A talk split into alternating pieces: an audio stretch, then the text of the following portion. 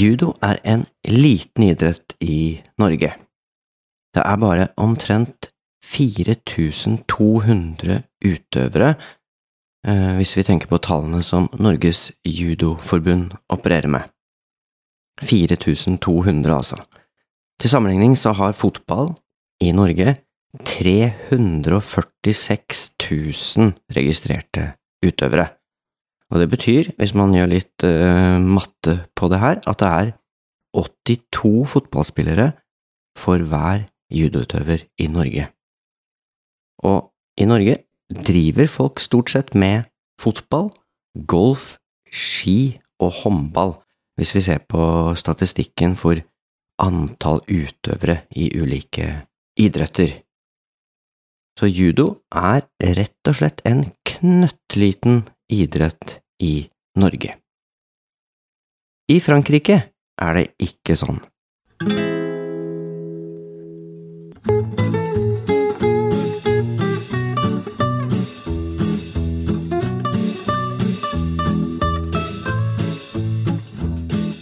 I Frankrike er judo den fjerde største idretten, kun slått av fotball, tennis og hestesport. I Frankrike er det opp mot nesten altså 600 000 registrerte judoutøvere. Og det er omtrent 5700 judoklubber. Og i Frankrike kan man godt si at judo er til stede overalt. Ja, men Frankrike har jo flere innbyggere enn Norge, tenker du kanskje. Og det stemmer jo selvsagt. Men det er omtrent bare ti ganger så mange innbyggere i Frankrike som i Norge. Og det betyr at hvis vi gjør et enkelt, sikkert altfor enkelt regnestykke, så burde antall judoutøvere i Norge vært omtrent 60 000, med tanke på innbyggertallet, og hvis Frankrike er målestokken. Sånn er det absolutt ikke, og sånn har det heller aldri vært noen gang.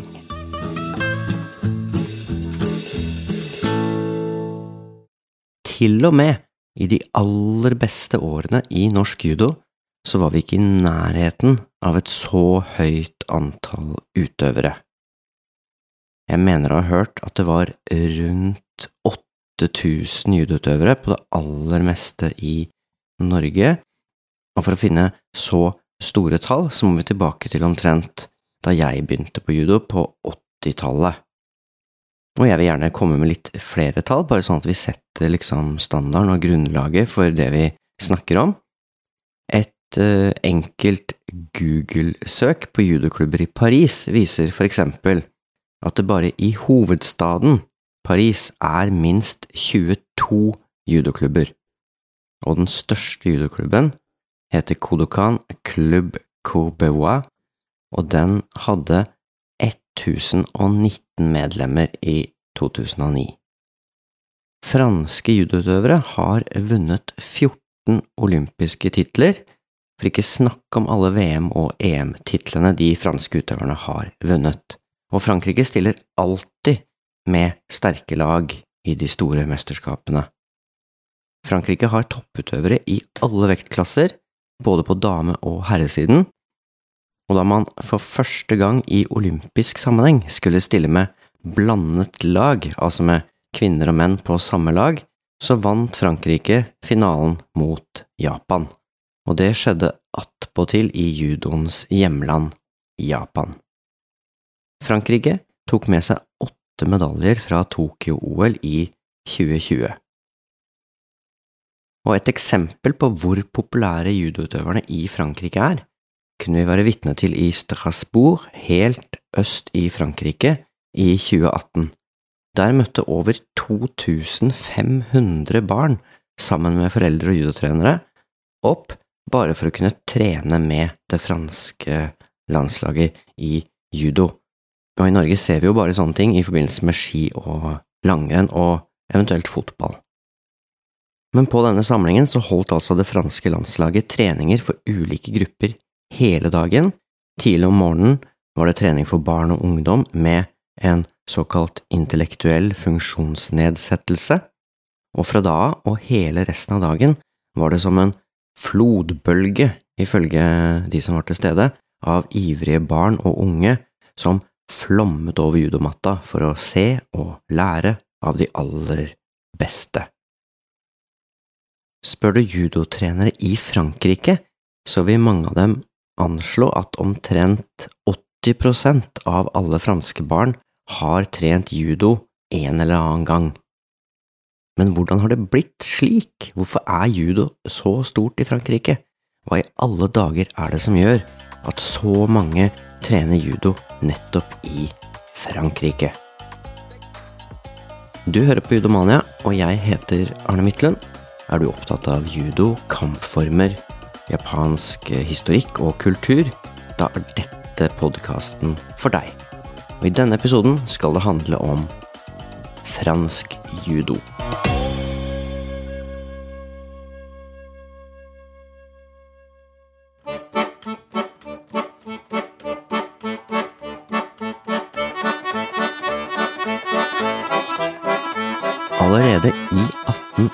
1895 ble jiu-jitsu nevnt i et fransk tidsskrift. I Revue de Deux Monde, som kom ut én gang i måneden, sto det en oversettelse av Glimpses of Unfamiliar Japan, skrevet av Lafcadio Hearn. Jeg er litt usikker på uttalen av fornavnet her, enten er det Lafsadio Hearn eller Lafcadio Hearn. Han eh, beskriver hvordan han opplevde Japan i årene mellom 1890 og 1893. Hearns tekster gjorde inntrykk på mange av leserne, både i USA og Europa. Og i tekstene hans kunne man eh, eh, lese om judo og jiu-jitsu, og her er det greit å huske på at på den tiden her så er eh, judo og jiu-jitsu det samme, de begrepene brukes om hverandre. Lafcadio Hearn trente judo i Tokyo, og det er det han skriver om i dette sitatet fra 1895. Hvilken hjerne i Vesten kunne ha utviklet en så rar teori? Aldri å møte kraft med kraft, men kun å utnytte motstanderens styrke og overvinne fienden ved å kunne utnytte kraften i vedkommendes angrep og ufarliggjøre ham ene og alene ved å utnytte vedkommendes forsøk. Garantert ingen. Den vestlige hjerne kan bare jobbe i rette linjer. Den orientalske hjerne arbeider i vidunderlige kurver og sirkler. Symbolikken i at intelligens overvinner brutal styrke er vakker. Mer enn å være kunnskap om selvforsvar er denne formen for jiu-jitsu et filosofisk system et økonomisk system, et etisk system. En stor del av jiu-jitsu-treningen handler om moral, og det er, mer enn alt annet, et uttrykk for et genialt tankesett, men knapt lagt merke til av dem som drømmer om det storslagne Østen. På begynnelsen av 1900-tallet så kjente folk i Frankrike allerede til jiu-jitsu takket være informasjon fra de veldig få personene som hadde vært i Japan. Men 26. oktober 1905 fikk interessen et skikkelig oppsving. Da ble det nemlig arrangert en stor kamp mellom den 41 år gamle Georges Dubois, en ekspert på fransk savate, og den 36 år gamle Ernest Regnier, en jiu-jitsu- og judoutøver. Den førstnevnte var 1,68 høy og ca. 75 kilo, mens jiu-jitsu-utøveren var 1,65 høy og 63 kilo, altså litt lavere og omtrent 10 kilo lettere. Ernest Regnier hadde på dette tidspunktet trent judo i to semestre, vi fant at det er to sesonger, to år kanskje, to vintre, og tre måneder. Og selv om det høres lite ut, så sies det også at han trente judo hver eneste dag, og i noen tilfeller to ganger om dagen. Og hvis du trener såpass mye, så vil det sannsynligvis være på omtrent nivå med ja, grønt eller blått belte, kanskje, i vårt system. Kampen foregikk i et fabrikklokale i Cobois, nordøst i Paris, og her sto den franske vestlige modellen for kamp mot den japanske østlige modellen, og hvilken av disse to ville være den mest effektive. Seieren til Regnier i løpet av kun 26 sekunder ga svar på det, og det markerer begynnelsen på jiu-jitsu og judo i Frankrike. De omtrent 500 tilskuerne ble overveldet, og hendelsen fikk mye oppmerksomhet i aviser og samtaler i Paris i ukene som fulgte. I 1906 skrev Illustrated Universal Sport følgende Alt er jiu-jitsu. I gatene, avisene, teatrene, musikkhallene hører vi gjenlyden av dette magiske ordet som går sin seiersgang. To år senere, 18. mars 1907, ble denne kampen brukt som eksempel i et foredrag av dr. Pierre Rosenthal i Société Franco-Japonaise, og Regnier var til stede, og etter at han hadde holdt en aldri så liten oppvisning, uttalte dr. Rosenthal det følgende. Jiu-jitsu er en kampsport som tar sikte på å redusere motstanderens kraft og bevegelsesevne ved smertepåvirkning. Smertene bare øker ved forsøk på motstand. Hode og lemmer blir utsatt for press og vridning motsatt den naturlige bevegelsesretning og tvinges inn i en antifysiologisk stilling. Smertene kan også fremkalles ved trykk mot nerver og nervesentra eller mot andre sensible flater. Noen år senere, i 1911, publiserte Yves Le Prieur boka Manuel de Jiu-Jitsu de l'école Kano à Tokyo, og da hadde det allerede blitt utgitt mer enn 20 bøker om jiu-jitsu i Frankrike.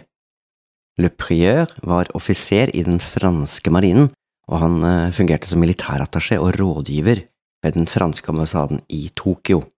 Og der trente han judo på Kodokan, og ble etter hvert den første franskmannen med svart belte i judo. Le Prieur var en kreativ type, og han fant blant annet opp en lett puste- og dykkemaske som kunne håndteres enkelt, og som tillot dykkerne å kommunisere med hverandre under vann. Men viktigere for oss er altså boka han ga ut, Manuel de Jujutsu de l'école Kano à Tokyo, eller Jujutsu-håndbok fra Kanos skole i Tokyo.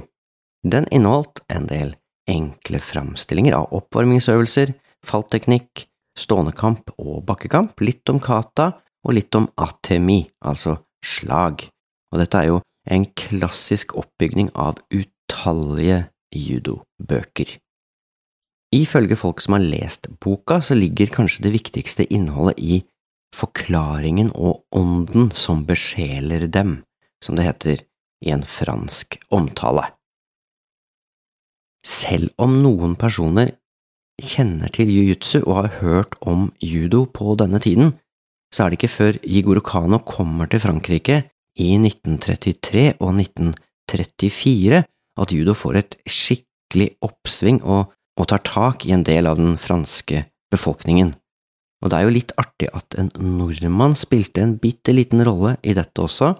Politiet i Frankrike hadde nemlig fattet interesse for jiu-jitsu, og en norsk politimann, Håkon Skjønning, demonstrerte denne kampformen ved den franske politiskolen i 1934, mens han gjorde tjeneste i La Garde Républicaine.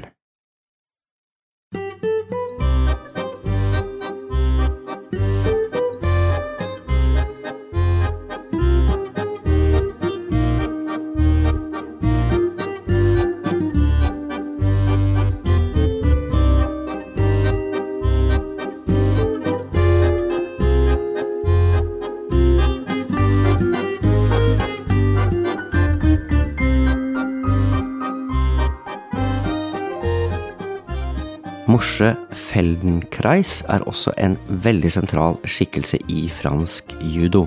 Han møter Jigoro Kano i Paris i 1933 og 1934, og disse to herrene blir enige om at det er en god idé å starte judoklubber i Frankrike. og Moshe Feldenkreis var en interessant person som vi helt sikkert kommer tilbake til i en egen episode av Judomania. Men kort fortalt så utviklet han en metode og et syn på kropp, tanker og trening som ikke er så ulikt det vi i dag kaller for mind and body, og slik sett så passet judo ganske perfekt inn i hans tankegang om kropp og selvutvikling. Ikke lenge etter møtet med Jigoro Kano kontakter Feldenkrais Mikinosuke Kawaishi, som på den tida var en av trenerne på Budokwai i London.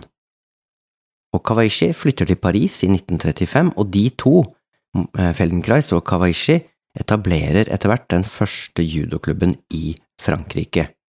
20. september 1936 ble klubben offisielt startet, og i utgangspunktet så het den Jiu-Jitsu Club de France, men etter hvert så fikk den navnet Judo Club de France for å understreke at det var judo de trente på i klubben.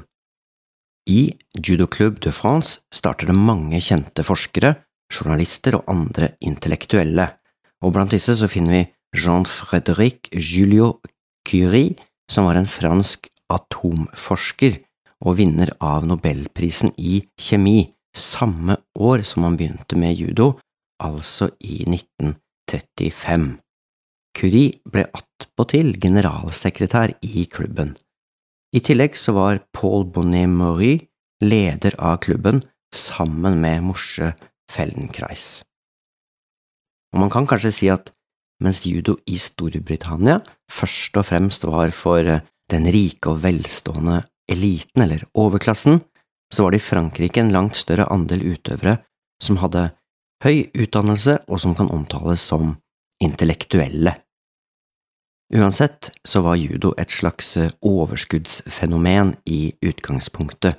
Det var de med eh, utdanning eller de med god råd som trente judo, først og fremst. I Frankrike så er man også opptatt av at elitismen til judo ikke er en sosial elitisme, men en kulturell og intellektuell elitisme, der styrken ligger i samspillet mellom tanke og handling, intelligens og effektivitet, eleganse og styrke.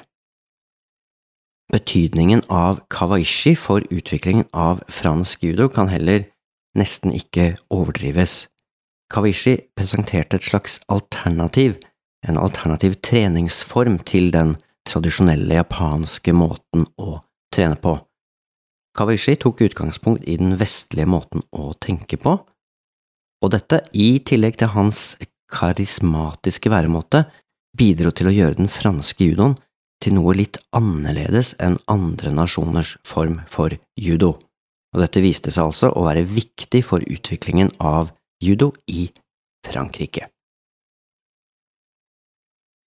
I Frankrike ble judo tilpasset og integrert i det franske samfunnet på en helt spesiell måte. Men det var på ingen måte selvsagt at judo skulle få så dypt fotfeste i Frankrike. Japan og Frankrike hadde liten politisk og kulturell kontakt på 1930-tallet. Om det var noen kontakt i det hele tatt, så var den gjerne preget av en slags pessimisme, eller en pessimistisk eh, stillstand, som en historiker skriver.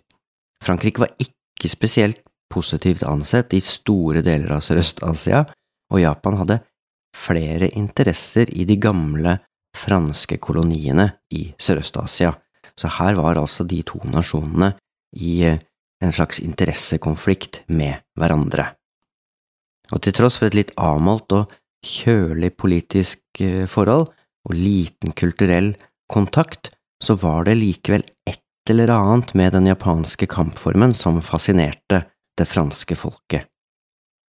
Franskmennene hadde en viss sans for den japanske kulturen, og ikke minst for den legendariske samuraien. Men det var det jo flere nasjoner i Vesten som hadde på denne tida. Frankrike hadde heller ikke en stor japansk befolkning eh, inn, altså i Frankrike, og samtidig så gjorde dette kanskje at det ble enklere å tilpasse japanske kultur- og kunstformer til den franske væremåten, fordi man trengte ikke være bekymra for å tråkke noen på tærne. Mikinosuke Kawaishi sa det på denne måten. Judo er som mais eller ris, den må tilpasses jordsmonnet den skal vokse i.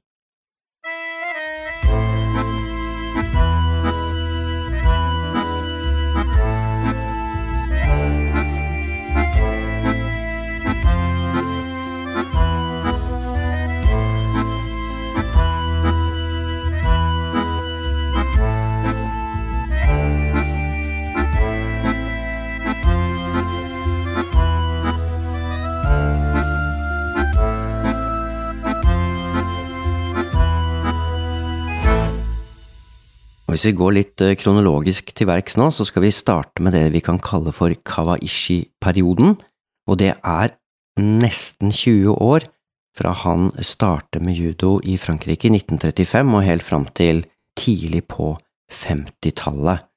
Og mange som har skrevet om fransk judohistorie, mener at Kawaishi-metoden er Frankrikes viktigste bidrag til judo i verdensmålestokk. Mikinosuke Kawishi bidro, som vi har hørt, sterkt til å gjøre judo populært i Frankrike, og da han ankom Frankrike, så hadde han vært flere år i Europa, så han kjente litt til den, skal vi si, europeiske måten å tenke på. Helt konkret hadde han trent judo på Budokwai i London, og mens han var trener der, hadde han blitt tildelt fjerde dan. Kawishi var altså kjent med den europeiske kulturen og tenkemåten, og i Europa så var det, i alle fall i begynnelsen, selvforsvar som først og fremst trakk folk til judotreninger. Oppstarten av judo i Frankrike var ikke av sånn eksplosjonsartet eh, karakter, det tok tid, og det begynte ikke å ta av egentlig før Kawaishi begynte å samarbeide med Feldenkreis i 1935 og samarbeidet med Morse Feldenkreis førte til mye positivt. Selv om dette samarbeidet eh, ble avbrutt av andre verdenskrig, så hadde den karismatiske Kawaishi og den vitenskapelig anlagte Feldenkreis funnet en tilnærming, og de utfylte hverandre på en måte som gjorde at judo ble populært og godt integrert i det franske samfunnet. Et av de pedagogiske tiltakene som vi også ser i mange judoklubber i våre dager, var kort og greit plakater med oversikt over de ulike teknikkene. Nå høres dette kanskje veldig smått ut, men det hjalp veldig mye til for at folk skulle se og forstå både progresjon og hvilke teknikker de øvde på og hva de het. Dette var ikke vanlig i japanske dojoer. Og på disse plakatene så kunne folk se at teknikkene ble organisert etter kategorier som for eksempel armkast, benkast, hoftekast, offerkast osv. Og dette gjorde det selvsagt langt enklere å forstå hva det kunne være lurt å øve på for nybegynnere, og hva instruktørene skulle fokusere på. Kawaishi sørget også for å gjøre treningsmetodene og navnene på teknikkene mer tilgjengelige for folk flest. Så i stedet for ogoshi så kalte man kastet for hoftekast, og teknikkene ble altså delt inn med eh, franske navn, og etter hvert i Norge med norske navn, som hoftekast, armkast, holdgrep, armbend osv. Kawishi tok også med seg beltesystemet fra Budokwa i London til judoklubbene i Frankrike, og der brukte de nøyaktig de samme fargene. Feldenkreis og Kawishi utviklet også et judopensum med et graderingsreglement, og her var det klare regler og krav til hver eneste beltegrad, både når det gjaldt teknikker og hvor lang tid det burde gå mellom hvert belte. Etter hvert så la det franske judoforbundet opp til ordninger som delte opp gradene i halve belter, ikke så ulikt det vi finner i taekwondo, der det er utrolig mange belter og belter med striper på, osv. Hvis du vil høre mer om beltesystemet, så ligger det selvsagt ute en episode om beltesystemet i judo, der du hører på denne podkasten. Kort oppsummert så kan man si at hovedforskjellen mellom Kawaishi-metoden og Kodokan-systemet var at all undervisning ble revurdert og gjort om ut fra et vestlig perspektiv. Kawaishi la også mye vekt på eh, bakkekamp, og han underviste judo med stort fokus på akkurat det her til sine judoutøvere. Og her skilte Kawaishi seg også fra sine japanske kollegaer, som var langt mer opptatt av stående teknikker. I tillegg så lot han eh, jiu-jitsu og selvforsvarsteknikker være en viktig del av treningene, og det kan vi fortsatt se spor av i dagens franske og mer moderne judo. 20. april 1939 ble Maurice Cottereau den første i Frankrike med svart belte, og det var selvsagt Kawaishi som tildelte disse beltene de første årene.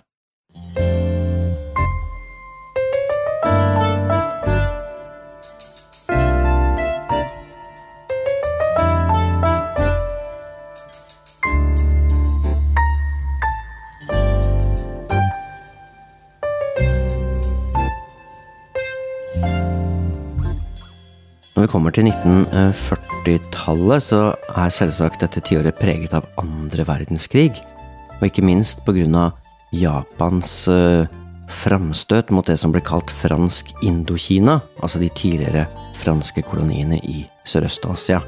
Og her skulle man jo tro at uh, judo, fordi det kom fra Japan, uh, fikk en litt tung periode. Men overraskende nok så fikk det lite å si for judo i Frankrike. Det var heller sånn at judoen i Frankrike fortsatte å utvikle seg i eh, positiv retning. Noe annet som skjedde i løpet av krigsårene, var at den statlige reguleringen av alle idretter og all fysisk aktivitet i Frankrike ble tydeligere og sterkere. Allerede i desember 1940 ble det bestemt at alle idretter i Frankrike skulle innordnes i en stor og felles organisasjon, litt sånn som eh, Norges idrettsforbund her i Norge. Og dette ble veldig viktig for den videre utviklingen av judo. Det var allerede slik at så å si alle ledere og trenere i det franske judoforbundet hadde et svart belte som var tildelt dem av eh, Kawaishi, og de hadde også ganske god innsikt i det vi kan kalle for Kawaishis metode, og dermed ble rett og slett Kawaishis metode en offisiell og statlig støttet måte å trene judo på. Kawaishi-judoen ble dermed satt i system, og det kan også i våre dager forklare den enhetlige måten fransk judo er organisert på.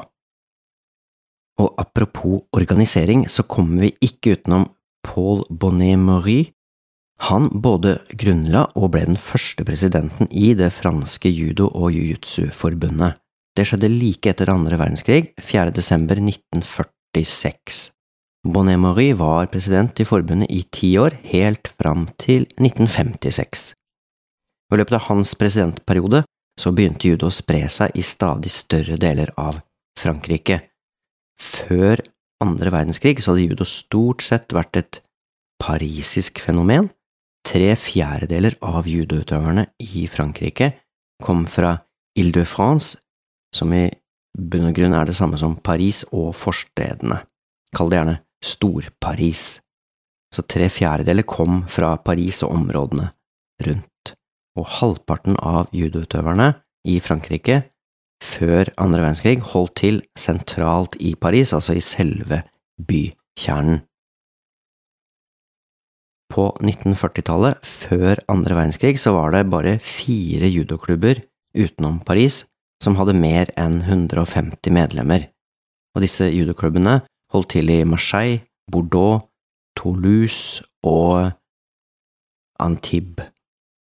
Men nå, etter hans eh, innsats, Bonnet Maurys eh, innsats, og flere andre selvfølgelig, så endret dette bildet seg, og judo spredde seg over mye større deler av Frankrike. Men det var ikke bare i Frankrike at Kawishis judo og hans metodikk spredte seg. På grunn av eh, den militære og kulturelle innflytelsen til Frankrike, fordi Frankrike er jo en kulturnasjon, vet vi, eh, så spredte Kawishis metode seg over store deler av verden, både i Europa og i de tidligere franske koloniene. Og her ramses opp noen land, for eksempel Belgia, Sveits, Spania, Portugal, Italia, Marokko, Tunis, Algerie, Madagaskar, Canada og Cuba er noen eksempler på land som eh, ganske raskt tok i bruk Kawashis metode, og som ble påvirket av denne franske tilnærmingen. Kawashi-metoden var nesten som en slags eh, undervisningspakke som kunne brukes så å si av alle, nesten uten forkunnskaper. Ikke minst ble de skandinaviske landene, også Norge, sterkt påvirket av fransk judo på 1950-tallet. Den franske tilnærmingen gjorde det enkelt for instruktører og utøvere å lære judo, men etter hvert i Norge så fikk også den britiske måten å trene judo på en stor innflytelse utover ja, 1970-tallet.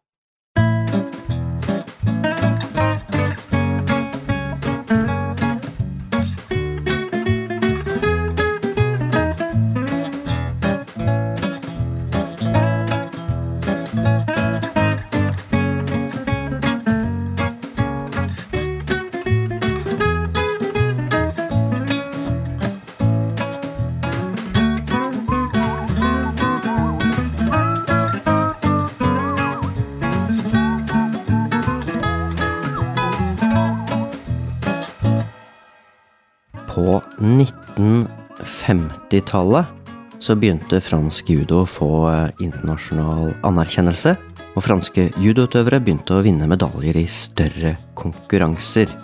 Og i 1956 så ble Henri Courtin den første franske judokaen som vant en VM-medalje i judo. Han fikk bronse i mesterskapet som ble arrangert i Japan. Og her var det 31 utøvere fra 21 ulike nasjoner som deltok. Og I 1951 så ble Madame Levanier første kvinne i Frankrike med svart belte. Når det gjelder selve organiseringen av fransk judo, så ble eh, denne idretten enda sterkere knyttet til statlige ordninger utover 1950-tallet. Og i november 1955 så ble det innført noen nasjonale retningslinjer i Frankrike som regulerte de kravene som skulle stilles til en judo- og jiu-jitsu-trener. Det ble rett og slett innført et statlig judotrenerdiplom. Og dette er nok et eksempel på at det franske judosystemet på mange måter gikk bort fra Jigoro Kanos filosofi og prinsipper, og at man heller lot seg inspirere av de europeiske idrettsverdiene og tradisjonene. Og når noe går langt bort fra si, det opprinnelige, så kommer det ofte en, en reaksjon, en, en motvekt, en, en, en, annen måte å tenke på, og noen vil tilbake igjen til det mer originale, og sånn var det også i Frankrike. Og en veldig kjent uh, judotrener som het Ishiro Abe, ble invitert til Frankrike av flere uh, av judoklubbene. Eh, fordi en del av de franske judotøverne og judotrenerne og judolederne mente at Kawaishi og den franske judoen hadde fjernet seg altfor langt fra den opprinnelige formen for judo, den som Jigoro Kano hadde utviklet på Kodokan. Og denne følelsen her gjorde seg spesielt gjeldende i Toulouse, og det var her man inviterte Ishiro Abe, en høyt gradert og respektert japansk judotrener, slik at han kunne komme med innspill og treningsmetoder som var mer, mer, mer likt det som ble trent på Kodokan. På den tiden her så var Ishiro Abe bare 29 år, men han kom til å bety mye for den videre utviklingen av judo i Frankrike og i andre europeiske land. Ishiro Abe flytter til Frankrike i november 1951. Og etter hvert så sprer eh, dette her seg også til en del judoklubber i Paris, som ønsker å trene judo enda mer på den japanske måten.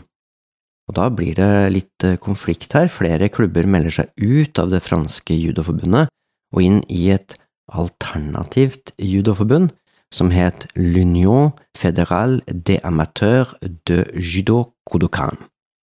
Og det skjedde 8. oktober 1954. Man får bare beklage hvis den franske uttalen er litt uh, rusten. Men altså mellom 12 og 18 prosent av alle judoklubbene i Frankrike meldte seg inn i det nye judoforbundet, og det skapte en del strid og uro i det franske judomiljøet. Og på den tiden her så ble det også ganske stor uenighet om hvem som kunne få, og hvem som kunne tildele, og på hvilket grunnlag de svarte beltene i judo skulle bli tildelt. Noen ønsket en tradisjonell gradering med utøvere som demonstrerte de ulike teknikkene, slik Kawaishi mente at man burde, mens andre ønsket at beltene skulle tildeles på grunn av konkurranseresultater, som var litt mer likt den eh, opprinnelige måten å gjøre det på. Og denne uenigheten, den eh, varte og varte, og det var ikke før i 1971 at man ble enige om en graderingsordning som er ganske lik den vi kjenner fra Norge.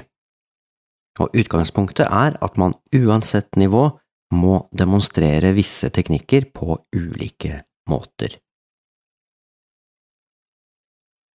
Fordi man i fransk judo hadde startet med kawaishi-metoden, altså den litt europeisk tilpassede måten å trene judo på, så ble jo kodokan-judoen, den originale formen for judo, sett på som en fornyelse og en litt sånn forfriskende måte å tenke på. Og Kodokan-systemet til Ishiro Abe ble sett på som dynamisk, med luftige teknikker og estetiske bevegelser. Og en annen forskjell var at Abe heller ikke var så opptatt av den selvforsvarsmessige siden av judo.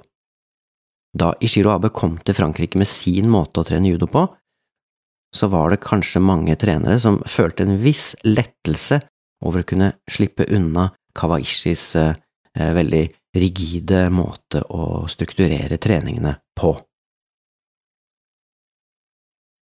Ishiro Abes form for judo ligner veldig på den vi trener på i våre dager, med vekt på teknikker som ikke kan skade motstanderen, bestemte grep i judodrakta og en form for tredeling mellom kata, disse forhåndsbestemte eh, formene, randori, denne frie treningen som vi kan kalle for sparring, og shiai, som er konkurranse.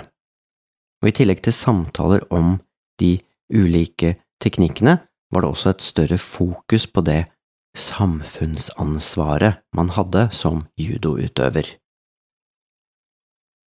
Og uansett eh, metode og treningsprinsipper, i løpet av 1950-tallet vokste antall registrerte judoutøvere i Frankrike til over 20 000.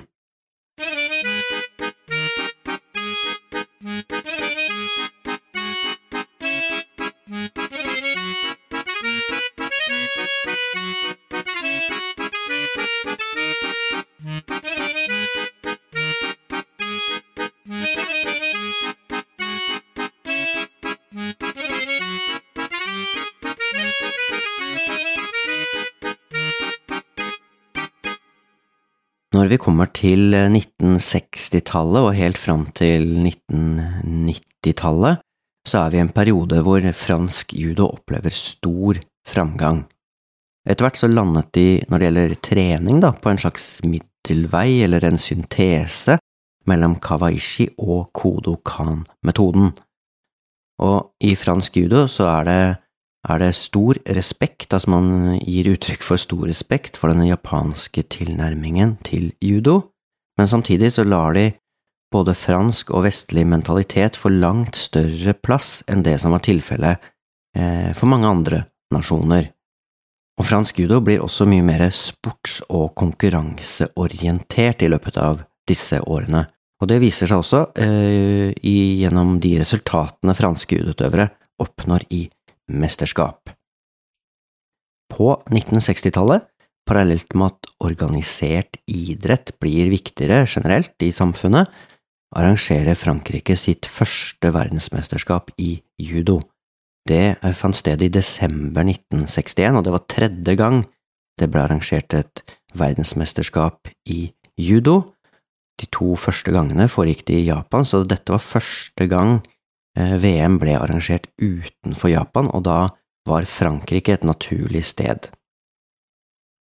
Mesterskapet i Frankrike blir først og fremst husket på grunn av gullmedaljen til Anton Gesink. Det var første gang en person som ikke kom fra Japan, vant et VM-gull. Det sportslige fokuset i Frankrike var altså helt tydelig, men likevel så er jo judo, også i Frankrike, kanskje fremfor alt en eh, pedagogisk metode basert på japanske verdier og europeisk filosofi og verdisyn.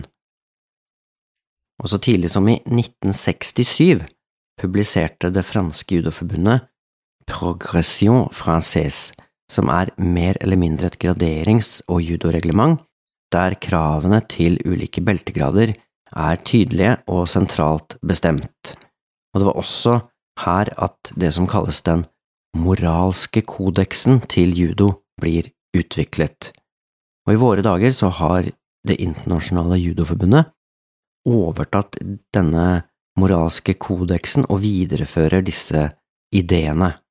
Mange trekker fram akkurat disse verdiene når de skal forklare hvorfor judo har blitt så populært i Frankrike og mange mener at judo først og fremst handler om å utvikle seg som menneske, og deretter som idrettsutøver. Og disse moralske eh, reglene, denne moralske kodeksen, den er så viktig at de fleste som spørres eh, om hvorfor judo er populært i Frankrike, først nevner disse tingene. Og om noen eh, uker så kommer det åtte eller ni episoder der jeg skal ta for meg disse moralske ideene én etter én.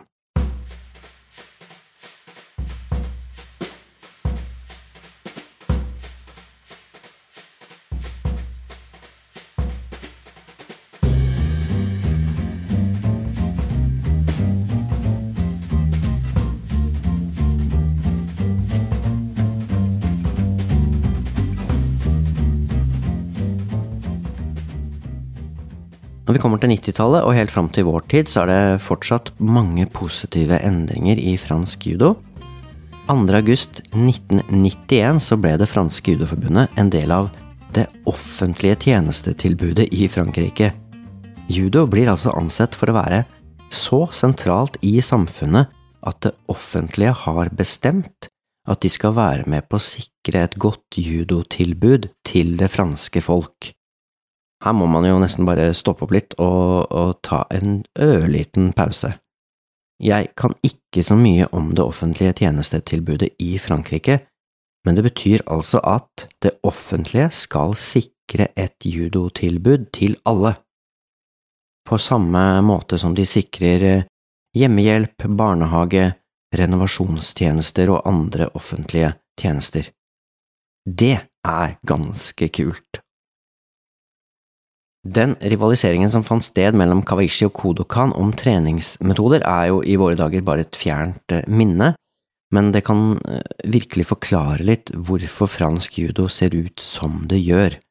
I dag så samarbeider det franske judoforbundet nært med Kodokan om mange prosjekter, og vi kan si at fransk judo bidrar med de moderne løsningene, mens Kodokan kanskje ivaretar den tradisjonelle tilnærmingen. Og den symbiosen, eller det samarbeidet der, er veldig solid og gjør mye bra for judo.